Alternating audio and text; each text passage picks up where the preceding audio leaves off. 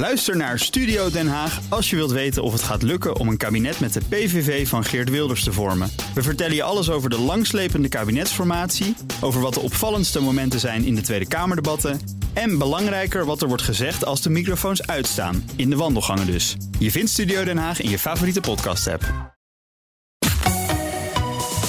BNR Nieuwsradio. Boekenstein en de Wijk. Hugo Rijksma. cannot, we will not stand by as our people are threatened by a kangaroo court. Kangaroo court. President Trump zint op sancties tegen het strafhof in Den Haag. any means necessary to protect our citizens. Een neprechtbank, volgens minister Pompeo. Kangaroo, ka- kangaroo. And indeed, I have a message to many close allies around the world. Nederland overweegt tegenmaatregelen. Your people could be next. Welkom bij Boekenstein aan de Wijk, op zoek naar de nieuwe wereldorde. Met in de studio, kan ik voor het eerst in drie maanden weer zeggen. Arend-Jan Boekenstein en Rob de Wijk. Fijn jullie weer te zien. Onze gast is helaas nog steeds van afstand, maar dat is geen beletsel voor internationaal strafrechtadvocaat en hoogleraar aan de Universiteit van Amsterdam, Geert-Jan Knoops. Welkom. Goedemorgen. Uh, meneer Knoops, uh, vindt u het strafhof ook een beetje een kangaroo court? Nou, die kwalificatie zal ik zelf als jurist nooit in de mond kunnen nemen. Want dan ondergraaf ik mijn eigen, mijn eigen vak. Ja. Maar ik uh, kan wel de kritiek uh, die er bestaat, even los van of uh, president Trump daar een politiek motief mee heeft. Want dat zou natuurlijk ook nog heel goed kunnen. Maar even puur los van alle emotie die dit heeft teweeggebracht. Als je ook weer in het NRC Handelsblad de reactie leest van de president van het strafhof, dan heeft natuurlijk ontzettend veel losgemaakt. Maar even los daarvan ja. is het ongetwijfeld zo, en dat zijn ook veel collega's van mij die die mening delen, en zelfs oud-rechters die bij het internationaal strafhof werken, er is heel veel te verbeteren. Er is terecht een kritiek op het functioneren van het internationaal strafhof. En in dat opzicht is het belangrijk dat wel nu de kans wordt te baat genomen, ook door het strafhof, om inderdaad te kijken hoe kunnen we onze geloofwaardigheid naar buiten toe vergroten.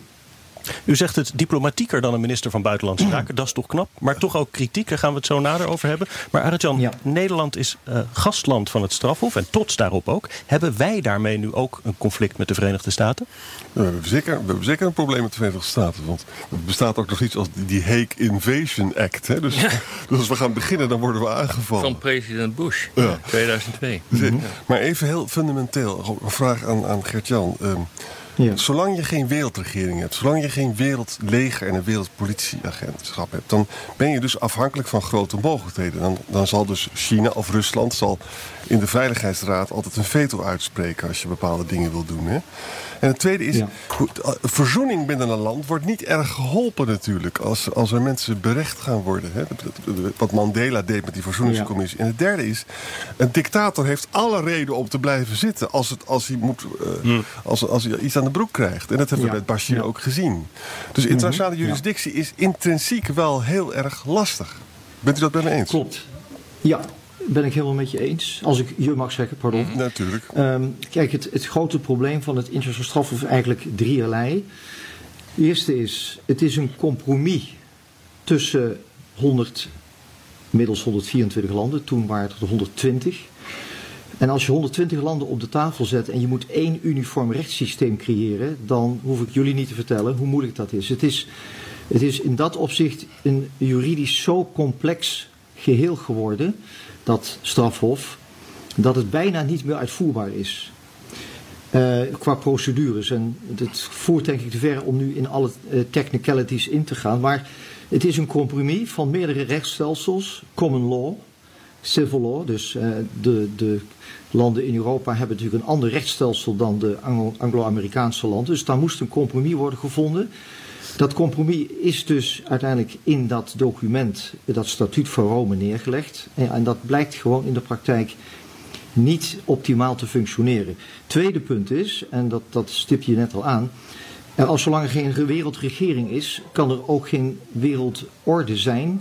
Die wordt gehandhaafd door een wereldpolitie. Het ICC, het strafhof, leeft dus bij de gratie gods van de medewerking van landen. En de grootmachten, Rusland, China, Amerika, die dus bewust niet meewerken aan de strafhof, ehm, geven daarmee eigenlijk aan dat het bijna niet uitvoerbaar is uh, om dat hele systeem van het strafhof ook in een wereldorde onder te brengen.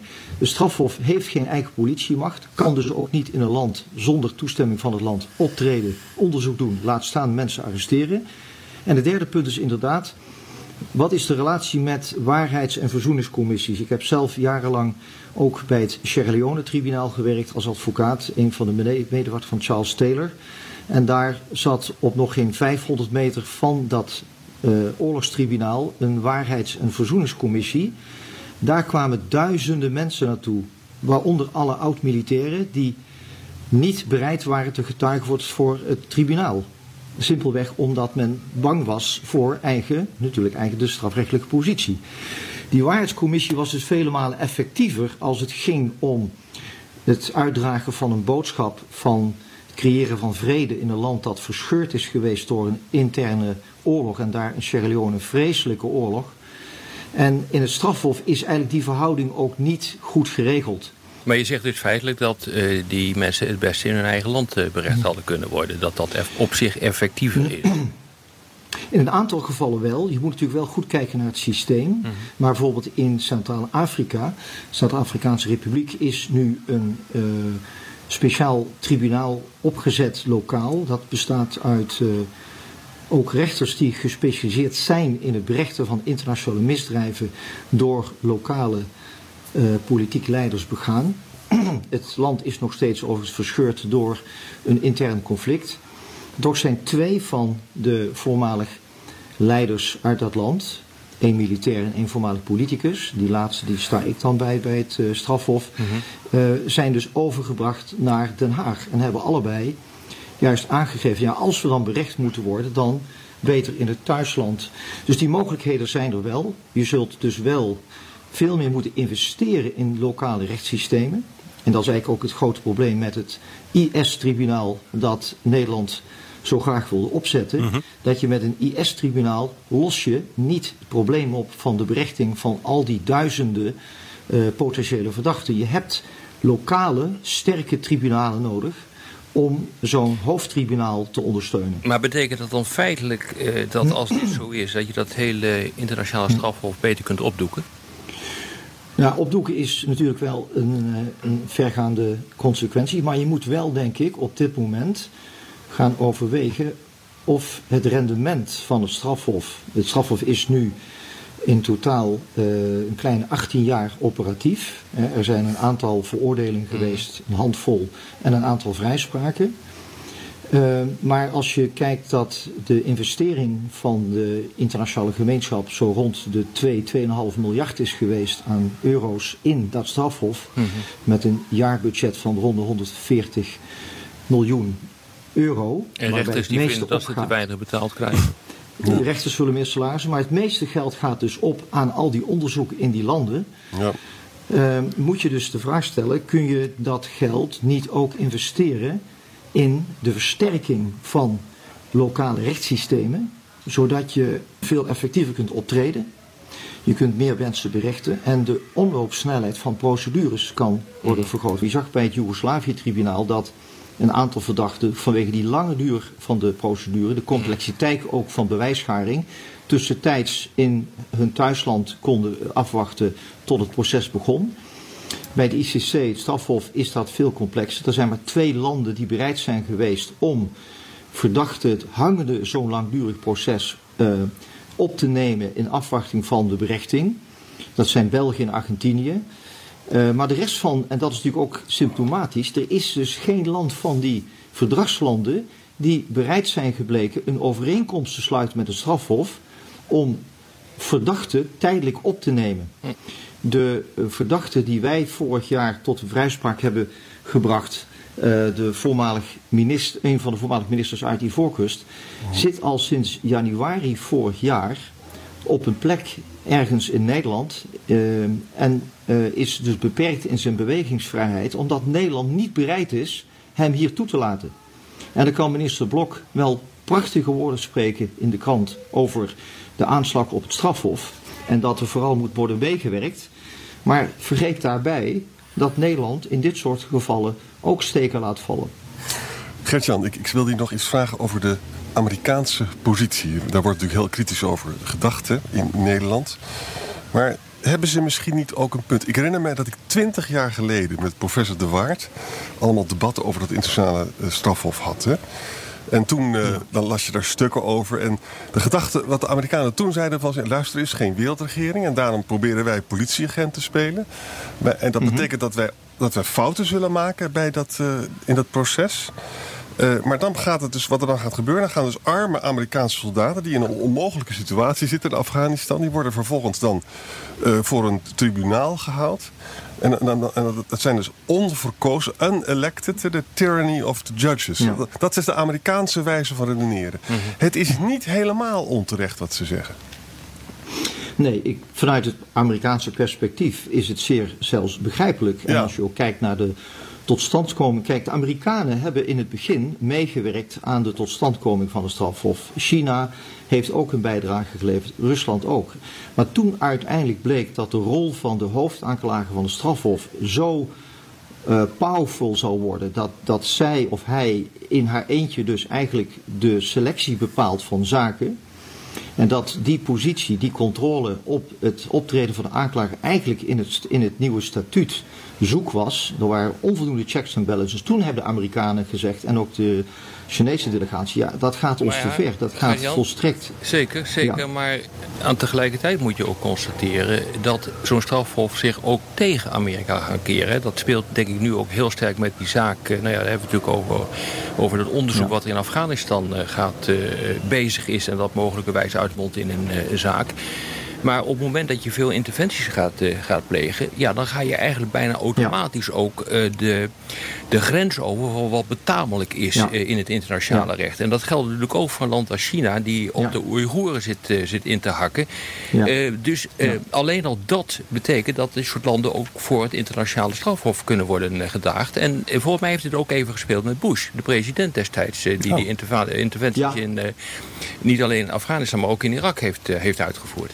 Ja. ja, en Rumsfeld. Dat is ook genoemd. Er zijn ook zaken in Europa gestart tegen Bush en Rumsfeld in bepaalde landen. De Amerikanen hebben toen ook hele politieke druk uitgeoefend om die zaken te uh, voorkomen. Italië uh, was aanvankelijk zelfs een veroordeling bij verstek uitgesproken een aantal jaar terug van een hele delegatie, delegatie van CIA-agenten.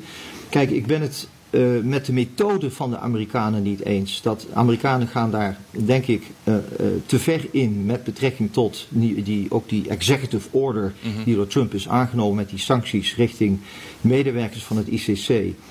de bevriezen van gelden en het voorkomen van inreizen, et cetera. Je zou dus veel eerder een dialoog moeten aangaan met het strafhof. En misschien wordt het nu ook wel een tijd dat er een grondige evaluatie gaat komen van het functioneren van strafhof, waarin wordt bekeken hoe kan dat worden verbeterd. En laat landen die het daar niet mee eens zijn, gewoon hun medewerking niet geven.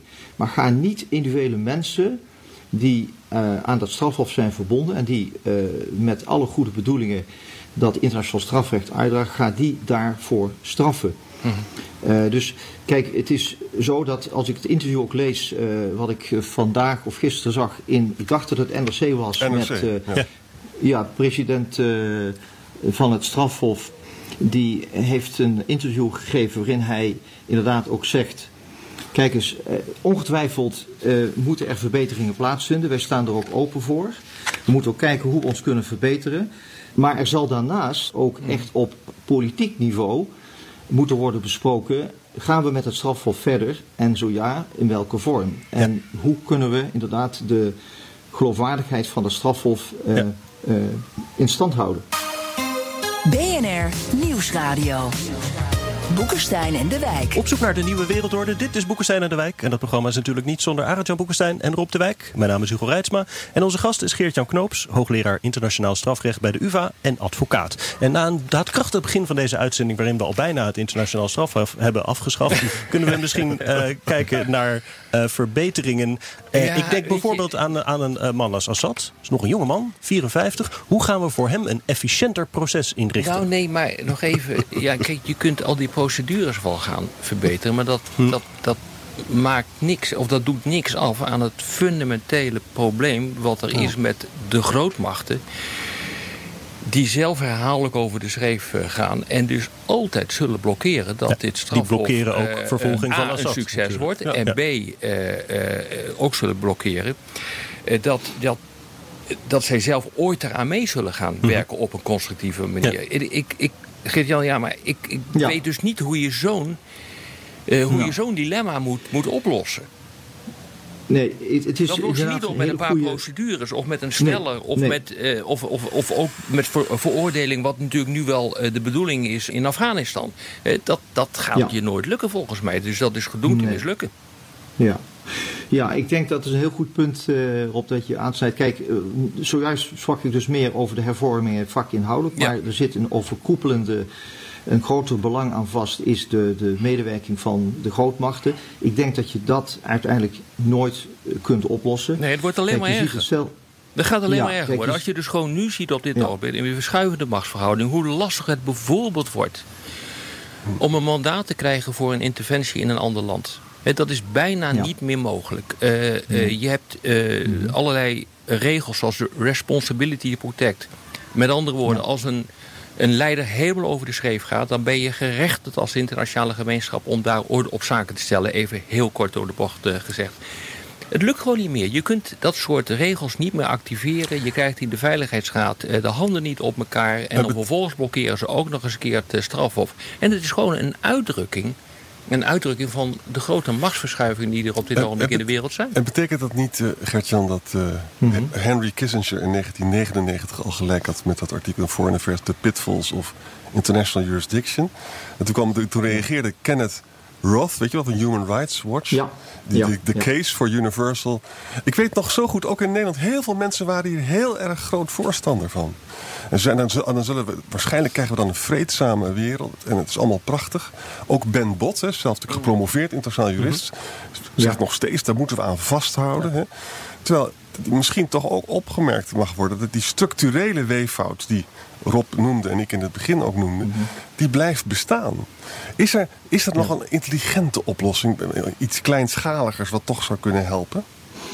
Nou, ik denk uh, dat de, de, illusie dat er inderdaad een soort wereldstrafhof zou moeten en kunnen komen, dat was eigenlijk ook de, het ideaal na de Tweede Wereldoorlog. En de strafhof werd ook in 1998 als zodanig geïntroduceerd. Dat dat gewoon uh, gaandeweg verder in illusie is gebleven. Dat heeft ook te maken niet alleen natuurlijk met, met uh, de traditionele opvattingen die nog steeds en begrijpelijk bestaan over soevereiniteit. Met name China is daar een heel goed voorbeeld van. Ja. China heeft juist ook uh, uiteindelijk het strafhof niet willen omarmen vanwege het feit dat het strafhof onvoldoende rekening zou kunnen houden met de traditionele waarden en normen van China, die ook in het rechtsstelsel zijn terug uh, te vinden. En het probleem zie je ook eigenlijk op microniveau. Kijk even naar Nederland. Hoe divers, hoe um, controversieel is ons strafrecht geworden in ons kleine landje. Als het gaat om de rechtsfilosofische benadering van waar het strafrecht voor staat, zie je dus al een enorme tweespalt in Nederland ontstaan. We hebben natuurlijk de laatste 10, 15 jaar een enorme opkomst gezien van de rol van de slachtoffer in het strafrecht. Dat is een complete omslag vergeleken met waar het strafrecht initieel voor in het leven is geroepen. En als je dat op wereldniveau projecteert, met al die verschillende landen met verschillende opvattingen over soevereiniteit en hoe een rechtsstelsel behoort te functioneren, is het gewoon ondenkbaar. En mm. uh, ik denk ook dat het een illusie zal blijven altijd om te veronderstellen dat je een uniform rechtsmodel kunt uh, creëren. Nou ja, wat hier natuurlijk ook nog, uh, Jan doorheen speelt... is uh, het hele punt van het, de anti-westerse sentimenten... die in hoog tempo aan het opkomen zijn... en die dus ook hand in hand gaan... Uh, met die opkomst van landen als China... en de nieuwe assertiviteit van, van Rusland. volgens ja. mij is het nog niet zo lang geleden dat landen als Burundi, Zuid-Afrika hebben gezegd van Gambia hoorde daar ook bij. Van dat, dat strafhof, dat is een instrument van het westerse imperialisme, daar moeten we uitstappen. Um, en dat soort geluiden zie je in Afrika, vind ik, steeds verder doorcijpelen. Uh, dat soort geluiden hoor je ook in China. Dat soort geluiden ja. hoor je in Rusland. Dus dat betekent dat het alleen maar harder geblokkeerd wordt. Ook in India. India in, ja. ja. Maar er is een overkoepelende vraag, hè, die nog ja. verder gaat dan de vraag: kunnen we wel ooit zo'n wereldorde bereiken? Uh, en heeft Kissinger niet gewoon inderdaad gelijk gehad? En dat is de vraag: de pretentie die wij als wereldorde of gemeenschap denken te hebben met een strafhof, dat dat bijdraagt aan wereldvrede en veiligheid. Is dat een pretentie die je met het strafrecht kunt waarmaken? En het is mijn visie. Ik heb bij alle tribunalen gewerkt. Ik heb zelf gezien dat juist die vervolgingen van bepaalde politiek leiders, militieleiders, zeker ook in Afrika, in Sierra Leone hebben we dat gezien. Mhm waarin maar bepaalde mensen werden vervolgd en andere groepen ongemoeid werden gelaten, dat dat eerder een tweespalt veroorzaakt in de samenleving. Ja. En de, de premisse van het strafhof is dat het bijdraagt aan wereldvrede en veiligheid. Ja. Uh, aan retributie, et cetera. Maar wat je dus nu ziet, hè, bijvoorbeeld ook met die Afrikaanse verdachten die nu in Den Haag zitten, dat het in heel veel gevallen juist een totaal averechtse werking heeft, zo'n vervolging. Dus je moet volgens mij maar ook... Is logisch. Dat is logisch. Ik bedoel, ja. het is gedacht vanuit het idee van een westerse wereldorde... met zijn nadruk op, op humaniteit, ja. rechtsstatelijkheid, ja, democratie. Klopt.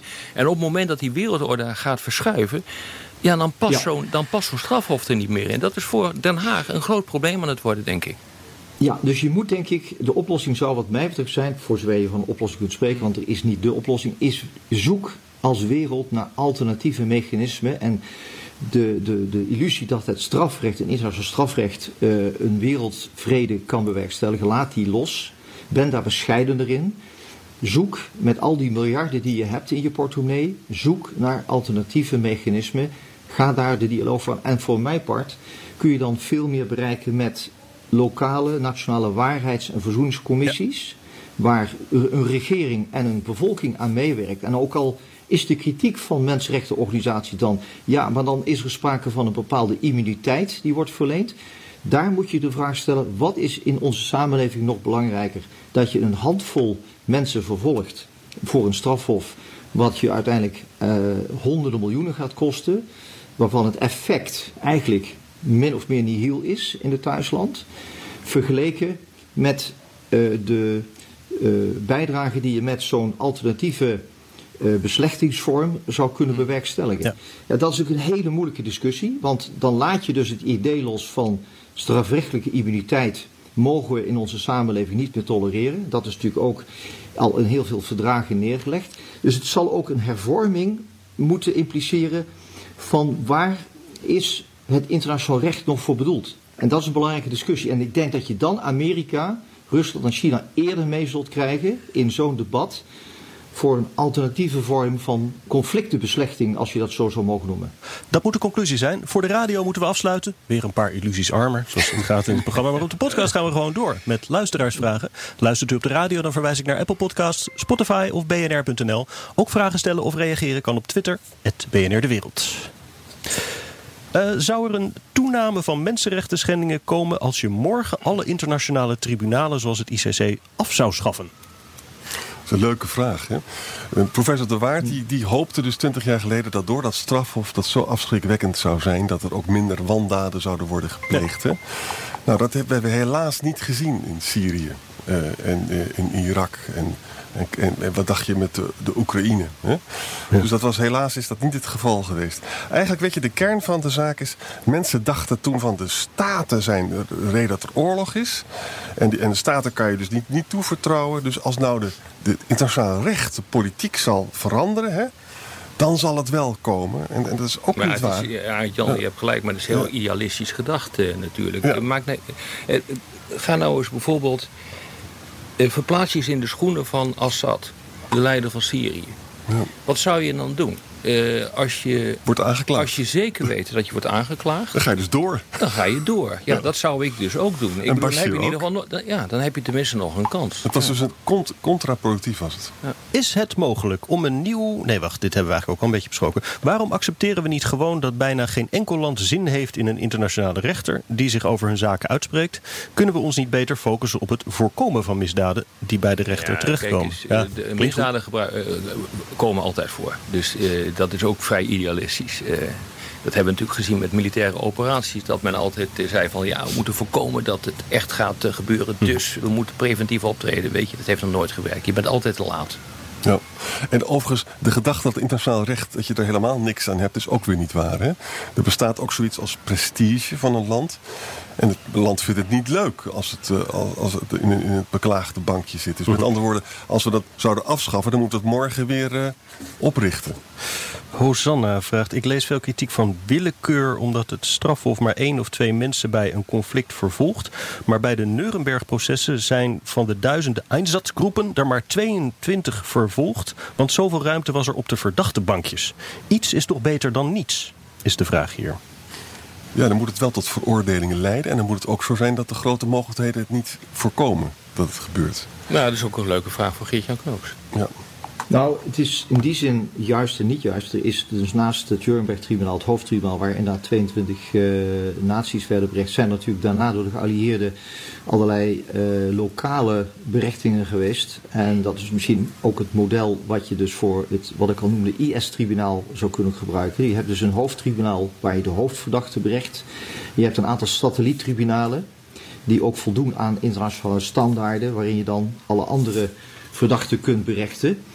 Maar ook, kijk, het is onmiskenbaar zo. Er moet op moment een selectie worden gemaakt. Je kunt niet, ook niet met zo'n ICC, alle verdachten die je in het vizier hebt, kun je vervolgen. Dat is te tijdrovend, te complex. Het kost handenvol geld. Dus je, je, het kan alleen voor een aantal mensen bestemd zijn. Dus dat is tegelijk ook het enorme dilemma voor het internationaal straf. We zeggen, we hebben kritiek op hoeveel mensen daar dan berecht worden en wie. Uh, dus die selectie, maar tegelijkertijd zit die aanklager voor het gegeven dat hij wel moet selecteren. Um, dus ja, en daar zit denk ik ook de Achilleshiel, is de, de uitleg naar de samenleving van waarom vervolg je die en waarom vervolg je die niet. En dat zie je ook bij het strafhof. Een van de problemen is er, worden, uh, er wordt vanuit een strafhof een politieke leider berecht van partij A, maar niet van partij B. En dan wordt er dus onvoldoende duidelijk gemaakt waarom dan de man van partij A en niet van partij B, terwijl partij B even zo goed aan nou ja, dat zie je natuurlijk nu gebeuren met de hele discussie rond, uh, rond uh, Afghanistan, waarbij Trump zegt ja, dit willen we niet. Uh, terwijl ja, de Amerikanen daar natuurlijk ook over de schreef zijn gegaan. Dat is logisch dat dat gebeurt. Dat is nou eenmaal inherent aan dat type conflict. Het wordt ook vaak uitgewokt, uh, uh, moet, moet, ik wel zeggen. Dus de Taliban die speelt ook een belangrijke rol mee. Is een wisselwerking. Maar als het dus zo is dat Amerika dit gaat blokkeren, dat doen ze dus ook, en ook sancties gaan opleggen, ja, dan kun je dus de vergif op innemen dat een aantal andere landen zeggen van ja, dit is willekeur. En hier gaan we niet in mee. Blaas de hele boel maar op. Dat kan niet anders. Een vraag van Blogapen, denk ik ook aan mhm. meneer Knoops, uh, vraagt... is bij het ICC nationaliteit van verdachten leidend... of de plek waar eventuele misdaden hebben plaatsgevonden? Nationaliteit van het, uh, een van de verdragsstaten of het territorium van een van de verdragsstaten. Dat zijn de twee criteria voor de bevoegdheid van een strafhof. Ja. Dus nationaliteit en territorium. Ja. Kunnen de juridische organen van de EU, zoals het Europees Hof van Justitie, als voorbeeld dienen voor iets dat je wereldwijd zou kunnen uitrollen? hmm. Ambitieus. Nou, eh, als ik zo vrij mag zijn, eh, als je kijkt nu naar de kritiek op het Europees eh, Hof voor de Rechten van de Mens in Straatsburg. waar landen als Rusland, Turkije, maar ook Engeland al meerdere malen afstand van hebben genomen van bepaalde uitspraken ja, dan kun je een naam zeggen. Er is een mensenrechtenhof in Europa dat waakt over de uniformiteit. Maar we weten maar al te goed dat in de voormalige Oostbloklanden die nu deel uitmaken van de EU er andere visies zijn over mensenrechten. Hè?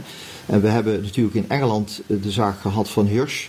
Waarbij de Engelse regering dus een wet aannam dat gedetineerden niet mochten stemmen voor de politieke verkiezingen. Die wet is ongrond, uh, ongrond verklaard door het Europees Hof. En er is toen een hele impasse ontstaan met Engeland. Engeland heeft toen uh, tijdlang geweigerd om die uitspraak uit te voeren van het Europees Hof. Dus er zijn talloze voorbeelden om te zeggen, er is zelfs binnen Europa geen uniformiteit. Nee, Laat staan dat je dan binnen de wereld uh, dat kunt uh, pretenderen. Maar het is een hele interessante vraag, want uh, de, de, de regelmacht van Europa is mondiaal. Maar dat moet dan wel over echte harde toetsbare regels uh, gaan. Uh, bijvoorbeeld privacywetgeving. Hè. De privacywetgeving van Europa, daar moeten ook de Amerikaanse bedrijven zich aan houden. Ook Chinese bedrijven zich aan houden. Datzelfde geldt voor het mededingingsrecht. Die worden ook vrijwillig overgenomen vaak door Amerikaanse en, en Chinese bedrijven. Omdat je anders geen toegang hebt tot de Europese markt. En het is niet handig om verschillende standaarden voor verschillende delen van de wereld aan te hangen. Dat is veel te duur. Maar het geldt niet mhm. voor veel zachtere uh, uh, onderwerpen. Zoals inderdaad mensenrechten, uh, democratie, humaniteit in algemene zin. Daar werkt het gewoon niet voor. Daar is de Europese Unie niet heel erg effectief op dat hm. gebied. Hm. Sluiten we af met een vraag van Medassa, waarvan ik vrees dat daar ook alweer een negatief antwoord op zal komen. Had het bij eerdere oorlogen iets uitgemaakt als er al een strafhof was geweest? Nee, want de oorlogen ontstaan gewoon. Ja, aan iedereen denk ik. oorlogen, oorlogen ontstaan gewoon. Eh, dat zijn vaak ongelukken. Dat, daar zit macht achter. In, in, in vrijwel alle gevallen. En die, die macht en die, die gok, gokkerij die daarachter zit, eh, die laat zich niet beteugelen door het vooruitzicht eh, dat, eh, dat je misschien voor het gerecht wordt gebracht. Want iemand die dat gaat doen, die zal eh, denken van mij overkomt dat niet. Mensen zijn slecht. Rutger Brechtman heeft het niet begrepen. Daarmee sluiten we vrees ik af in stijl. Dit was weer Boekenstein in de Wijk. Namens Arend-Jan Boekenstein en Rob de Wijk zeg ik dank voor het luisteren. Speciale dank vandaag aan Geert-Jan Knoops. En tot volgende week. Kijk, kijk, kijk.